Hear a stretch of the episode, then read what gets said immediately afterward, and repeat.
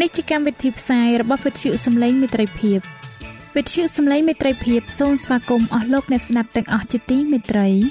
នាងខ្ញុំសេកសុចិន្តាវតីហើយខ្ញុំបាទអង្ចាន់វិជ្ជៈក៏សូមស្វាគមន៍លោកអ្នកស្ដាប់ទាំងអស់ផងដែរនៅពេលនេះយើងខ្ញុំមានសេចក្តីសុំមនស្សរីករាយដោយបានវិលមកជួបអស់លោកអ្នកនាងកញ្ញាអ្នកស្ដាប់សាជាថ្មីម្ដងទៀត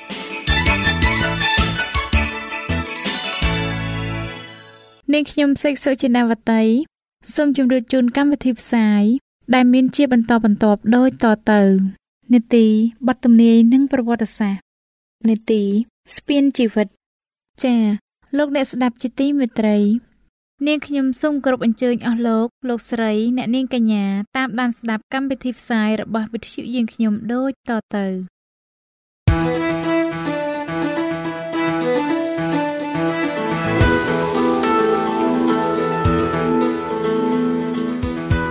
សូមជូននីតិវត្តនីនិងប្រវត្តិសាស្ត្រ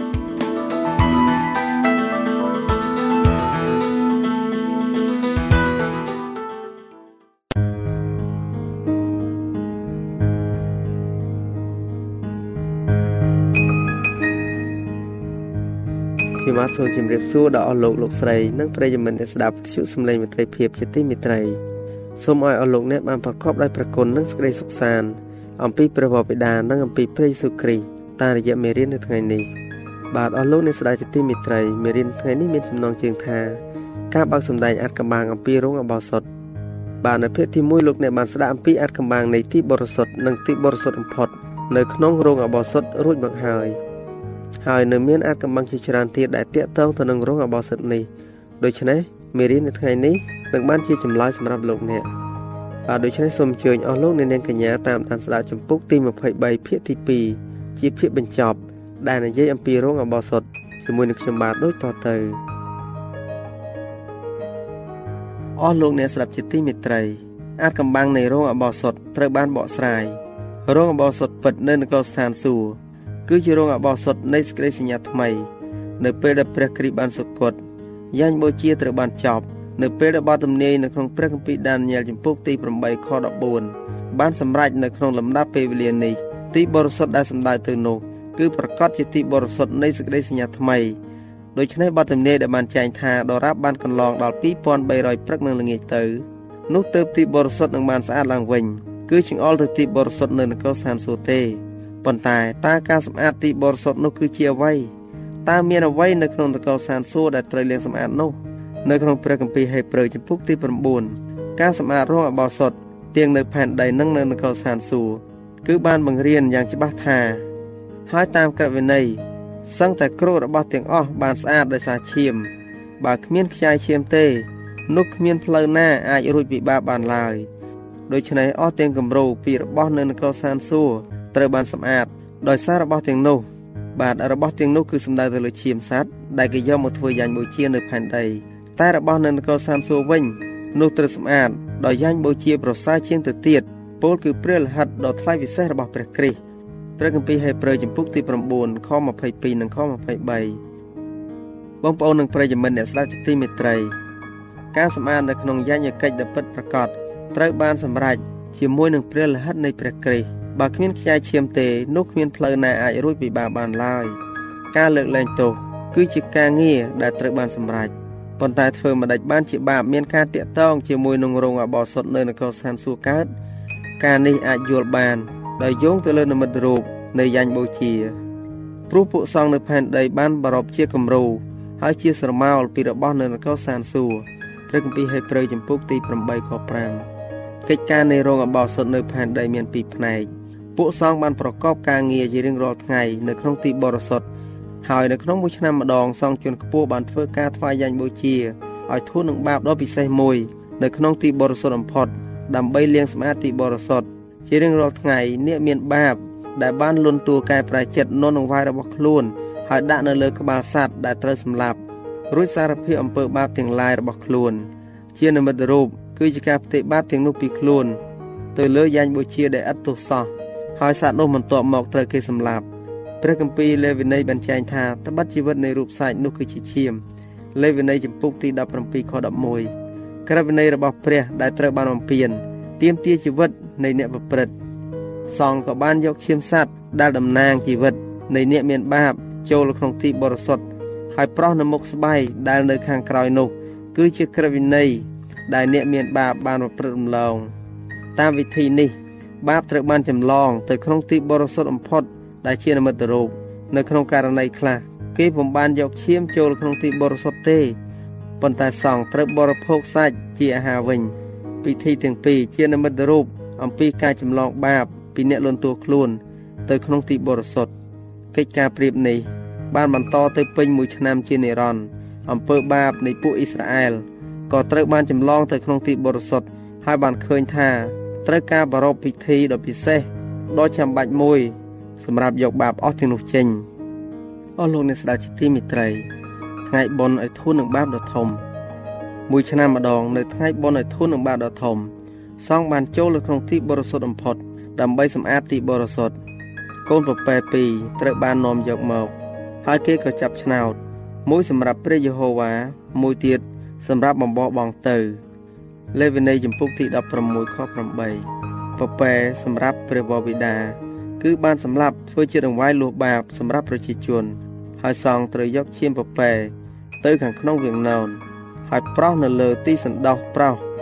និងនៅលើអាសនានៃគ្រឿងក្រអូបនៅមុខវាងណោនព្រះគម្ពីរលេវីនីបានចែងទៀតថារួចអរ៉ុនក៏ដាក់ដៃទាំងពីរនៅលើក្បាលពពែនោះលន់តួពីអស់ទាំងសេចក្តីទុច្ចរិតនិងអស់ទាំងសេចក្តីរំលងរបស់ពួកកូនចៅអ៊ីស្រាអែលពីលើពពែនោះ គឺអំពើបាបរបស់គេទាំងអស់ ត្រូវបានដាក់ទាំងអស់ទៅលើក្បាលពពែនោះរួចក៏ប្រកល់ដល់មនុស្សម្នាក់ដែលប្រុងជាស្រេចដើម្បីដឹកនាំវាទៅទីរហោស្ថានឯពពែនោះត្រូវផ្ទុកអស់ទាំងសេចក្តីទុច្ចរិតរបស់គេលើខ្លួនរួចចេញទៅឯទីតំបន់សូនស្ងាត់លេវីវិន័យចំពុកទី16ខ21និងខ22ក៏ពេលនោះលែងមកជំរុំនៃកូនចៅអ៊ីស្រាអែលទៀតហើយយ៉ាញ់ពិធីនេះត្រូវបានធ្វើឡើង ដើម្បីឲ្យសាសអ៊ីស្រាអែល ឃើញភាពបរិសុទ្ធរបស់ព្រះ និងការដែលទ្រង់ស្អប់ខ្ពើមអំពើបាបជួនរាល់រូប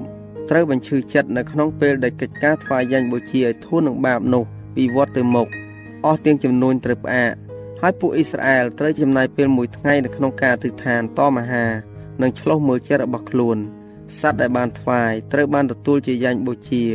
ជំនួសអ្នកមានបាបប៉ុន្តែអំពើបាបពុំបានសាបសូន្យដោយឈាមនៃសត្វនោះឡើយ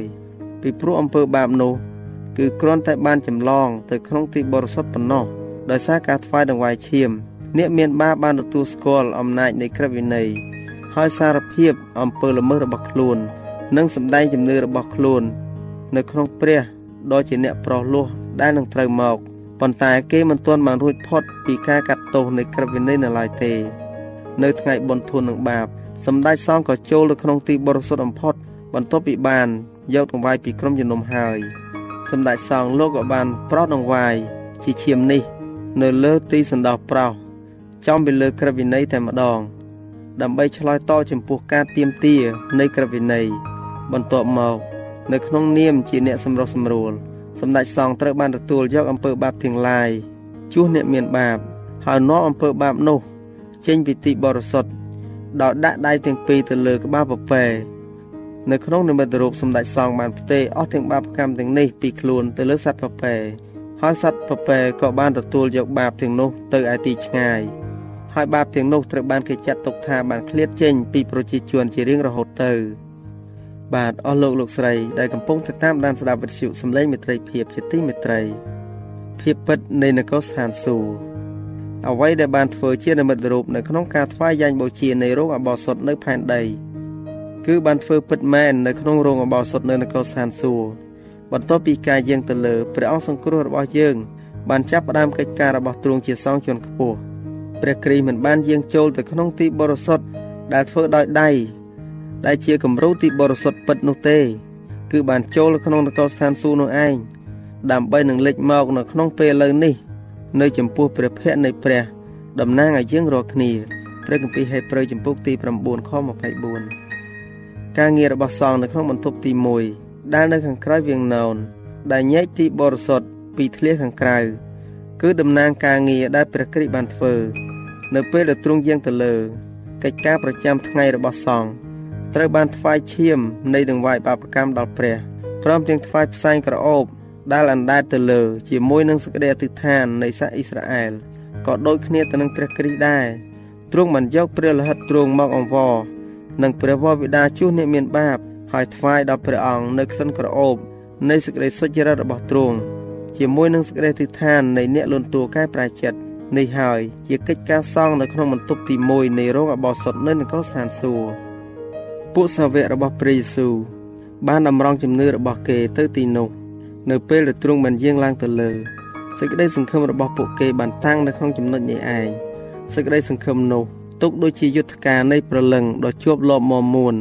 ដែលបានចូលទៅខាងក្នុងវាងណោនជាកន្លែងដែលព្រះយេស៊ូវបានយាងចូលទៅជំនួសយើងរាល់គ្នាទុកដូចជាអ្នកនាំមុខដោយទ្រង់បានត្រឡប់ជាសម្ដេចសង្ឃនៅអស់កលជានិច្ចទ្រង់បានយាងចូលទៅក្នុងទីបរិសុទ្ធបំផុតមួយដងជាសម្រេចទៀងមានសេចក្តីប្រោះលោះនៅអស់កលជានិច្ចដោយសារព្រះលិខិតនៃព្រះអង្គទ្រង់វិញព្រះគម្ពីរហេព្រើរចំពុកទី6ខ19និងខ20និងចំពុកទី9ខ12 កិច្ចការនេះបានបន្តអស់រយៈពេល18សតវត្សក្នុងបន្ទប់ទី1នៃរងអបោសុតនៅនគរស្ថានសួគ៌ព្រះលិខិតនៃព្រះគ្រីស្ទបានធានានៅការលើកទោសនិងការព្រមទទួលជាមេត្រីនឹងព្រះវរបិតាជួយអ្នកមានជំនឿដែលបានសោយសោកហើយកែប្រែខ្លួន តែអំពើបាបរបស់គេនឹងនៅរក្សានៅក្នុងសិភៅកំណត់ហេតុនៅឡើយទេក៏ដូចគ្នាទៅនឹងការធ្វើយ៉ាញ់បូជាដែរជានិមិត្តរូបតំណាង ដែលមានកិច្ចថ្វាយយ៉ាញ់បូជាឲ្យធូរនឹងបាបនៅចុងឆ្នាំដែរមុននឹងកិច្ចការរបស់ព្រះគ្រីស្ទដែលធ្វើសម្រាប់មនុស្សត្រូវបានចាប់សគ្រប់ទៅក៏នឹងមានកិច្ចការថ្វាយយ៉ាញ់បូជាឲ្យធូរនឹងបាបសម្រាប់លុបអំពើបាបចេញពីទីបរិសុទ្ធដែរការនេះបានចាប់ផ្ដើមនៅពេល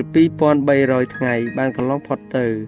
នៅពេលនោះព្រះដ៏ជាសម្ដេចសង្ឃរបស់យើងទ្រង់ជាងចូលទៅក្នុងទីបរិសុទ្ធបំផុតដើម្បីសម្អាតទីនោះ អស់លោកអ្នកនាងកញ្ញានិងបងប្អូនអ្នកស្ដេចទីមេត្រីនៅក្នុងសេចក្តីសញ្ញាថ្មីអំពើបាបនៃអ្នកលន់តួខ្លួនត្រូវដាក់ទៅលើព្រះគ្រីស្ទដោយជំនឿហើយក៏ផ្ទេរទៅឯរោងបោសុតនៅនគរស្ថានសួគ៌ការសម្អាតដ៏ពិតនៃទីបរិសុទ្ធនៅនគរស្ថានសួគ៌ក៏បានបង្គ្រប់កិច្ចដោយការយាងចេញឬការលុបចេញនៃអំពើបាបដែលបានកត់ទុកដូច្នោះដែរប៉ុន្តែមុននឹងការនេះអាចសម្រេចបានត្រូវមានការត្រួតពិនិត្យសិភៅកំណត់ហេតុ ដើម្បីរកឲ្យឃើញថាតើនរណា តាមការលន់តួនិងជំនឿនៅក្នុងព្រះគ្រីស្ទសមនឹងទទួលប្រយោជន៍នៃការថ្វាយយ៉ាញ់បូជាឲ្យធន់នឹងបារបស់ទ្រង់ដូច្នេះការសម្អាតទីបរិសុទ្ធមានទំនាក់ទំនងនឹងការស៊ើបអង្កេត ការជំនុំជម្រះមុននឹងព្រះគ្រីស្ទយាងមកត្បិតនៅពេលដែលទ្រង់យាងមកទ្រង់យករង្វាន់មកជាមួយ ដើម្បីប្រទានដល់មនុស្សគ្រប់រូបតាមតែការដែលគេបានធ្វើព្រះគម្ពីរវរណៈចំពុកទី22ខ12 ដូច្នេះអ្នកដែលដើរតាមពន្លឺនៃបទទំនាយគេបានរកឃើញថា ជាជាងទ្រង់យាងមកផែនដី នៅទីបញ្ចប់នៃ2300ថ្ងៃនៅក្នុងឆ្នាំ1844នោះគឺព្រះគ្រីស្ទបានយាងចូលក្នុងទីបរិសុទ្ធបំផុតនៃរោងអបោសុតនៅនគរស្ថានសួគ៌ដើម្បីចាប់ផ្ដើមធ្វើកិច្ចការថ្វាយយ៉ាញ់បូជាឲ្យធន់នឹងបាបឲ្យបានចប់សពគ្រប់រៀបចំសម្រាប់ការយាងមករបស់ទ្រង់នៅពេលដែលព្រះគ្រីស្ទយកអំពើបាបរះរបស់ទ្រង់ ចេញពីទីបរិសុទ្ធនៅនគរស្ថានសួគ៌នៅក្នុងពេលដែលទ្រង់បញ្ចប់កិច្ចការរបស់ព្រះអង្គដោយសំអាងព្រះលោហិតរបស់ទ្រង់នោះទ្រង់នឹងដាក់អំពើបាបទាំងឡាយទៅលើសាតាំងដែលត្រូវទទួលពិន័យចុងក្រោយពពែត្រូវបានបញ្ជូនទៅទីរហោស្ថាន ហើយនឹងលែងវិលមកក្រុមជំនុំអ៊ីស្រាអែលទៀតហើយក៏ដូចគ្នាទៅនឹងសាតាំងដែរវានឹងត្រូវបានបំបោបងចោលពីវត្តមានរបស់ព្រះ និងប្រជារាស្ត្ររបស់ទ្រង់ហើយវានឹងត្រូវបាត់សូន្យក្នុងវិនិស្សកម្មចុងក្រោយ នៃអំពើបាបរបស់អ្នកមានបាបចា៎ដោយពេលវេលាមានកំណត់យើងខ្ញុំសូមអនុទីបទទំនាយនិងប្រវត្តិសាស្ត្រត្រឹមតែប៉ុណ្ណឹងសិនចុះដោយសន្យាថា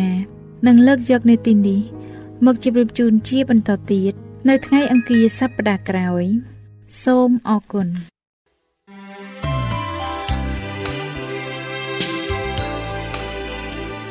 វិទ្យុសំឡេងមេត្រីភាព AWR ជាវិទ្យុដែលនាំមកពីក្នុងការនាំព្រះរាជសាររបស់ព្រះជាម្ចាស់សម្រាប់លោកអ្នក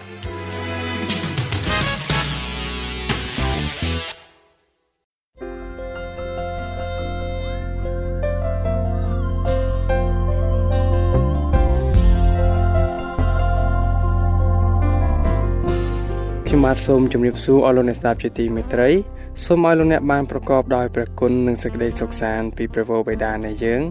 និងពីព្រះអម្ចាស់យេស៊ូវគ្រីស្ទខ្ញុំបាទមានអំណរណាស់ដែលបានវិលមកជួបលោកអ្នកនាងសាជាថ្មី ក្នុងនីតិស្ពានជីវិតនេះម្ដងទៀតបាទហើយនៅថ្ងៃនេះខ្ញុំបាទសូមលើកយកមេរៀនទី5ដែលមានចំណងជើងថា ការទុកចិត្តព្រះនៅគ្រាមានអាសន្នបាទតើលោកអ្នកត្រូវទុកចិត្តព្រះដោយរបៀបណា នៅពេលដែលលោកអ្នកមានបញ្ហានោះ បាទមេរៀននេះនឹងបានជាចម្លើយសម្រាប់លោកអ្នកដូច្នេះខ្ញុំបាទសូមគោរពអញ្ជើញលោកអ្នកតាមដានស្ដាប់មេរៀនទី5នេះជាមួយខ្ញុំបាទដូចតទៅ បាទជាដំបូងសូមអរលោកអ្នកស្ដាប់រឿងមួយជាមុនសិន មានលោកពូម្នាក់ឈ្មោះលោកពូចិត្តគាត់ជាមនុស្សម្នាក់ដែលតែងតែសង្ស័យអំពីគ្រឹះសាសនាគាត់ជាកម្មកររថស៊ីក្លូ ដែលមានការរវល់ជាខ្លាំងទាំងយប់ទាំងថ្ងៃគ្មានពេលនឹងសិក្សាឬតាមដានអំពីគ្រឹះសាសនាឡើយតែគាត់បានអះអាងយ៉ាងមើងម៉ាត់ថាគ្រឹះសាសនាគឺជាសាសនាបរទេសគាត់ជាខ្មែរមិនអាចកាន់សាសនាដទៃក្រៅពីពុទ្ធសាសនាទេតែពេលនេះជីវភាពគ្រួសារគាត់យ៉ាប់យ៉ឺនណាស់មិនទាន់ដល់ពេលគាត់ធ្វើបុណ្យទាននោះទេ ចាំចាស់បន្តិចទៀតសិនគាត់មានមិត្តម្នាក់ឈ្មោះសុធី ជាអ្នកជឿព្រះយេស៊ូវ ហើយសុធីតែតែនិយាយពីព្រះនេះ ប្រាប់គាត់ជារឿយរឿយលោកពូចិត្តបានឃើញថាសុធីជាអ្នកធាក់ស៊ីក្លូដោយគាត់ដែរតែពេលគាត់ទៅលេងផ្ទះសុធីម្ដងម្ដងប្រពន្ធគាត់មិនដាល់ខ្វល់ខ្វាយពីប្តីលេងលបែងស៊ីផឹកឬមានស្រីញីអ្វីឡើយទីបំផុត លោកពូចិត្តក៏បានសម្រេចចិត្តជឿព្រះយេស៊ូវជាមួយមិត្តគាត់ដែរដើម្បីឲ្យព្រះអង្គជួយបំផ្លាស់បំប្រែចិត្តគាត់ និងដើម្បីឲ្យគាត់បានទទួលសេចក្តីសង្គ្រោះពីទ្រង់ក៏ដើម្បីឲ្យគ្រួសារគាត់ទទួលសេចក្តីសុខសាន្តផងក្រោយពីគាត់បានសម្រេចចិត្តជឿលើព្រះយេស៊ូវមក នៅថ្ងៃមួយនៅពេលគាត់កំពុងប្រកបរបរអាជីវកម្មប្រចាំថ្ងៃរបស់គាត់សັບតែមានឡានមួយបើកយ៉ាងលឿនសម្ដៅមករកគាត់ហើយបុកស៊ីក្លូគាត់ត្រឡប់ត្រលិនទៅប៉ះនឹងសសរដងគោមដែលជាសសរបង្គោលភ្លើងមួយ ហើយឡាននោះក៏បើកកិច្ចបាត់ទៅ លោកពូចិត្តស្រែកធ្ងោយ៉ាងខ្លាំងដោយការឈឺចាប់ព្រោះជើងឆ្វេងគាត់ត្រូវមានរបួសជាទម្ងន់ដោយសារតែឡានបុកគាត់ក្រោកឡើងទាំងឈឺចាប់លើកស៊ីក្លូដែលខូចខាតរបស់គាត់ហើយដោលស៊ីក្លូទាំងជើងមួយសម្ដៅទៅផ្ទះដោយក្តីអស់សង្ឃឹមគាត់ស្រែកយំហើយនិយាយទាំងឈឺចាប់ថាហេតុអ្វីក៏ខ្ញុំមានគ្រោះថ្នាក់យ៉ាងនេះខ្ញុំបានជឿព្រះយេស៊ូវហើយអំពើបាបដែលខ្ញុំធ្លាប់ធ្វើខ្ញុំបានបោះបង់ចោលអស់ហើយ ចុះឥឡូវម្ដេចក៏ខ្ញុំបែរជាមានគ្រោះថ្នាក់បែបនេះទៅវិញតើបានអ្នកណាចិញ្ចឹមគ្រួសារខ្ញុំ ឬមួយព្រះនោះមិនពិតទេឬមួយក៏ព្រះយេស៊ូវមិនមែនជាព្រះដែលមានប្រជញ្ញរស់អាចជួយមនុស្សបានទេដឹងជាការពិតណាស់គ្រីស្ទានជាច្រើនបានប្រឈមមុខដោះស្រាយនៅការលំបាកស្មុគស្មាញនិងបញ្ហាជាច្រើន យើងបានឮរឿងល្អល្អជាច្រើនដែលស្ដីអំពីព្រះយេស៊ូវ តែមានអ្នកខ្លះទៀតបានជួបប្រទះបញ្ហាមិនចេះចប់មិនចេះហើយ ហើយគេនៅតែមានជំនឿលើព្រះយេស៊ូវដដែលយើងទើបតែបាននិយាយក្នុងមេរៀនមុននេះថាព្រះទ្រង់មានសេចក្តីស្រឡាញ់ហួសប្រមាណចុះតើហេតុអ្វីក៏គ្រីស្ទានជាច្រើនតែងតែជួបប្រទះនៅការលំបាកនិងគ្រោះថ្នាក់ទៅវិញបាទចំណុចទី1និយាយពីមូលហេតុនៃការពិបាកចំណុចទី1ក៏ការសាកល្បងរបស់ព្រះ ជួនកាលយើងមើលទៅឃើញថាព្រះហាក់ដូចជាអ្នកឲ្យទានម្នាក់ដែលគ្រាន់តែមានសេចក្តីស្រឡាញ់ហើយឲ្យទានដោយឥតរើសមុខប៉ុន្តែព្រះគម្ពីរបានប្រាប់ថាទ្រង់ដូចជាឪពុកម្ដាយរបស់យើង ដែលមិនគ្រាន់តែឲ្យអ្វីៗដល់យើងប៉ុណ្ណោះទេ តែថែមទាំងបានធ្វើឲ្យយើងរឹងប៉ឹងនិងរីកចម្រើនជាមនុស្សពេញវ័យឡើង ទាំងរូបកាយនិងចិត្តគុណតែផងព្រះគម្ពីរហេព្រើរជំពូកទី12ខ7ខ11បានសម្ដែងថា បើសិនជាអ្នករាល់គ្នាត្រូវសេចក្តីផ្ចាញ់ផ្ចាលនោះគឺព្រះអង្គទ្រង់ប្រព្រឹត្តនឹងអ្នករាល់គ្នាដូចជាកូនហើយត្បិតតើមានកូនឯណាដែលឪពុកមិនវាយផ្ចាលនោះ តែបើអ្នករាល់គ្នាមិនដែលត្រូវផ្ចាញ់ផ្ចាលសោះជាសេចក្តីដែលអ្នកគ្រប់គ្នាត្រូវរងទ្រាំនោះអ្នករាល់គ្នាជាកូនឥតខណ្ឌស្លាទេ មិនមែនជាកូនពិតប្រកបឡើយមួយទៀតយើងមានឪពុកខាងសាច់ឈាមដែលវាយផ្ចាលយើងហើយយើងក៏កោតខ្លាចដល់គាត់ដែរដូច្នេះ តើមិនត្រូវឲ្យយើងចោះចូលចំពោះព្រះវរបិតាខាងវិញ្ញាណជាជាងទៅទៀតដើម្បីឲ្យបានរស់នៅទេឬអីត្បិតឪពុកយើងតែងតែវាយប្រដៅយើងតាមតែខណៈចិត្តរបស់គាត់ប៉ុណ្ណោះតែមិនមែនជាយូរឆ្នាំទេ ចំណែកព្រះដែលទ្រង់វាយផ្ចាលសម្រាប់ជាប្រយោជន៍ដល់យើងវិញដើម្បីឲ្យយើងបានសេចក្តីបរិសុទ្ធរបស់ទ្រង់កាលណាយើងត្រូវសេចក្តីផ្ចាញ់ផ្ចាននោះមើលទៅដូចជាព្រួយណាស់ មិនមែនសប្បាយទេ តែក្រោយមកនោះទើបបង្កើតផលដ៏សុខសាន្តនៃសេចក្តីសុចរិតដល់អស់អ្នកណាដែលត្រូវរងនោះវិញខនេះបានបញ្ជាក់ថាព្រះគឺជាឪពុករបស់យើងទ្រង់ស្រឡាញ់យើងទើបទ្រង់ទុកឲ្យយើងជួបប្រទះនៅការលំបាកខ្លះៗទុកជាការសាកល្បងដើម្បីជួយយើងឲ្យបានរឹងមាំកាន់តែខ្លាំងឡើងចំណុចទី1ខលទ្ធផលនៃការមិនធ្វើតាមព្រះ បាទប្រសិនបើកូនយកលុយដែលឪពុកម្ដាយបំរុងទុកសម្រាប់ចិញ្ចឹមគ្រួសារយកទៅលេងល្បែងប្រហែលជាឪពុកបង្អត់បាយគេដើម្បីឲ្យគេដឹងថាប្រាក់ដែលគេយកទៅលេងល្បែងនោះ ជាប្រាក់សម្រាប់ទិញម្ហូបអាហារបើគេចាយលុយនោះអស់ហើយគេត្រូវតែអត់បាយដូចគ្នានេះដែរព្រះក៏បានបណ្ដោយឲ្យផលវិបាកដែលកើតឡើងដោយកំហុសនិងអំពើបាបរបស់យើងនោះធ្លាក់មកលើយើងវិញដើម្បីឲ្យយើងបោះបង់ចោលនិងឈប់ប្រព្រឹត្តនៅអំពើបាបនោះតទៅទៀត ដូចជាព្រះមិនបានការពារអ្នកដែលពិសាបារី ពីជំងឺមហារីកសួតដែរព្រះមិនបានការពារអ្នកដែលប្រព្រឹត្តកំផិតជាមួយស្រីពេស្យាពីជំងឺអេដហើយទ្រង់ក៏មិនការពារអ្នកដែលកុហកឬលួចប្លន់ពីការចាប់ខ្លួនដែរព្រោះទ្រង់ចង់ឲ្យពួកគេទទួលនៅផលអាក្រក់ដែលកើតឡើងពីការអាក្រក់ទាំងនោះហើយបានផ្លាស់ប្ដូរប្រព្រឹត្តអំពើល្អសម្រាប់ជីវិតគេវិញចំណុចទី1គោការពិបាកកែលម្អបុគ្គលិកលក្ខណៈរបស់មនុស្ស បាទមេដាបេដាល្អមិនដាចង់ឲ្យកូនខ្លួនคล้ายជាមនុស្សខ្ជិលច្រអូសនោះពួកគាត់នឹងបង្រៀនកូនស្រីឲ្យចេះដាំស្លដេប៉ាសម្អាតផ្ទះសម្បែងជាដើមព្រោះពួកគាត់គិតថាបើកូនគាត់មិនចេះធ្វើការទាំងនេះទេ នៅពេលធំឡើងកូននឹងមិនអាចคล้ายជាមេផ្ទះល្អឡើយចំណែកព្រះវិញទ្រង់ក៏ចង់ឲ្យយើងមានការរីកចម្រើនខាងបុគ្គលិកលក្ខណៈនេះ ដើម្បីឲ្យคล้ายជាមនុស្សល្អនិងអាចជួយដល់អ្នកដទៃទៀតដែលជាកូនទ្រង់នៅលើពិភពលោកនេះផងដែរព្រះគម្ពីររ៉ូមជំពូកទី5ខ3និងខ4បានសម្ដែងថាមិនតែប៉ុណ្ណោះសោតយើងនៅតែអួតក្នុងការដែលមានទុកលំបាកដែរដោយដឹងថាសេចក្តីទុកលំបាកបង្កើតឲ្យមានសេចក្តីទ្រាំទ្រសេចក្តីទ្រាំទ្របង្កើតឲ្យមានសេចក្តីសាមថ្នឹកសេចក្តីសាមថ្នឹកបង្កើតឲ្យមានសេចក្តីសង្ឃឹម បាទអស់លោកអ្នកស្ដាប់ជាទីមេត្រីជាបន្តទៅទៀតខ្ញុំបាទសូមជូនឧទាហរណ៍មួយប្រសិនបើចៅវាយនាយបានប្រព្រឹត្តមិនល្អមកលើលោកអ្នកហើយដោយសេចក្តីលបួង អ្នកក៏ស្អប់គាត់ ហើយប្រព្រឹត្តអាក្រក់តបនឹងគាត់វិញ តែបើអ្នកសុំឲ្យព្រះជួយឲ្យអ្នកអត់ទោសឲ្យគាត់ ហើយស្រឡាញ់គាត់វិញនោះធ្វើឲ្យអ្នកមានបុគ្គលិកលក្ខណៈកាន់តែល្អដោយព្រះយេស៊ូវឡើងហេតុនោះហើយបានជាខគម្ពីរខាងលើអះអាងថា មានអំណរនៅគ្រាមានទុក្ខលំបាកយើងដឹងថា នៅពេលយើងស្លាប់ទៅ យើងមិនអាចយករបស់ផ្សេងផ្សេងដែលយើងមានទៅជាមួយយើងបានទេ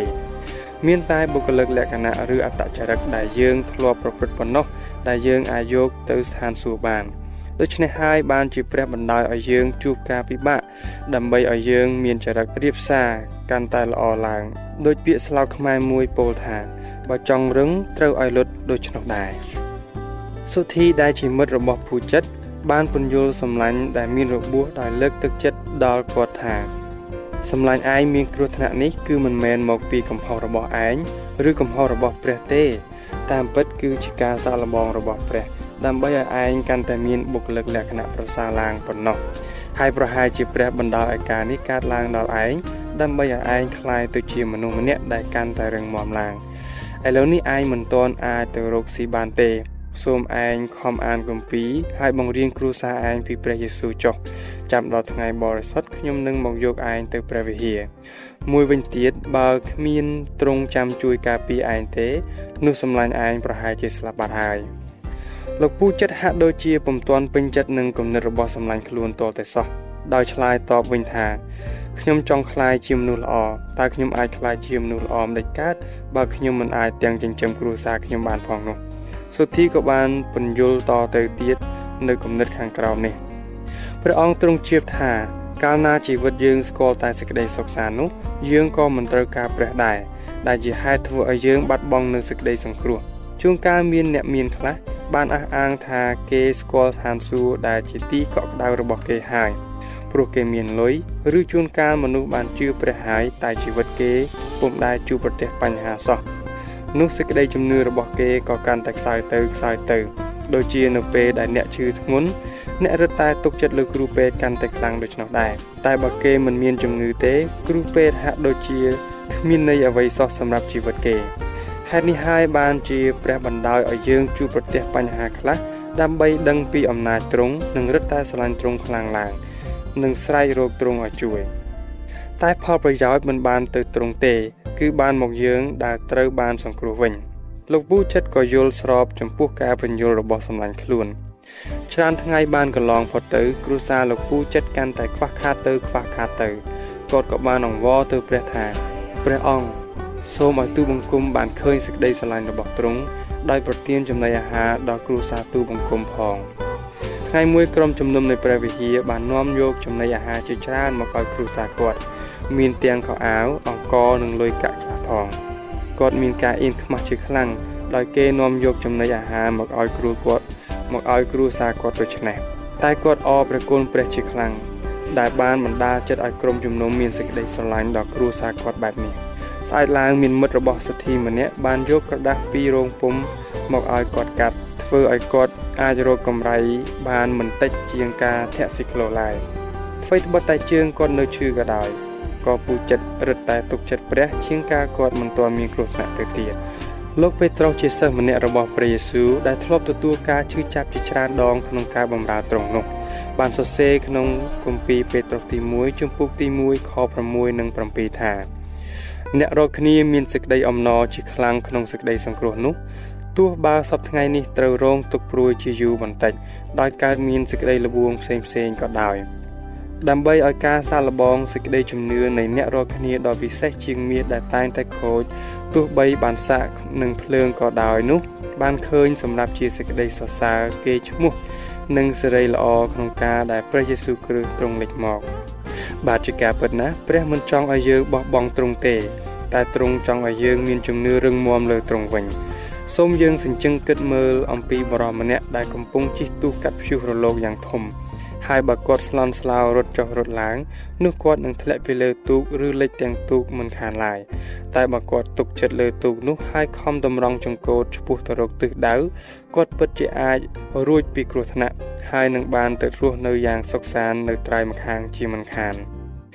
មិនខុសពីអ្នកគ្រីស្ទានខ្លះដែលកាលណាជួបប្រទះការពិបាកតែងតែផិតភ័យស្លន់ស្លោ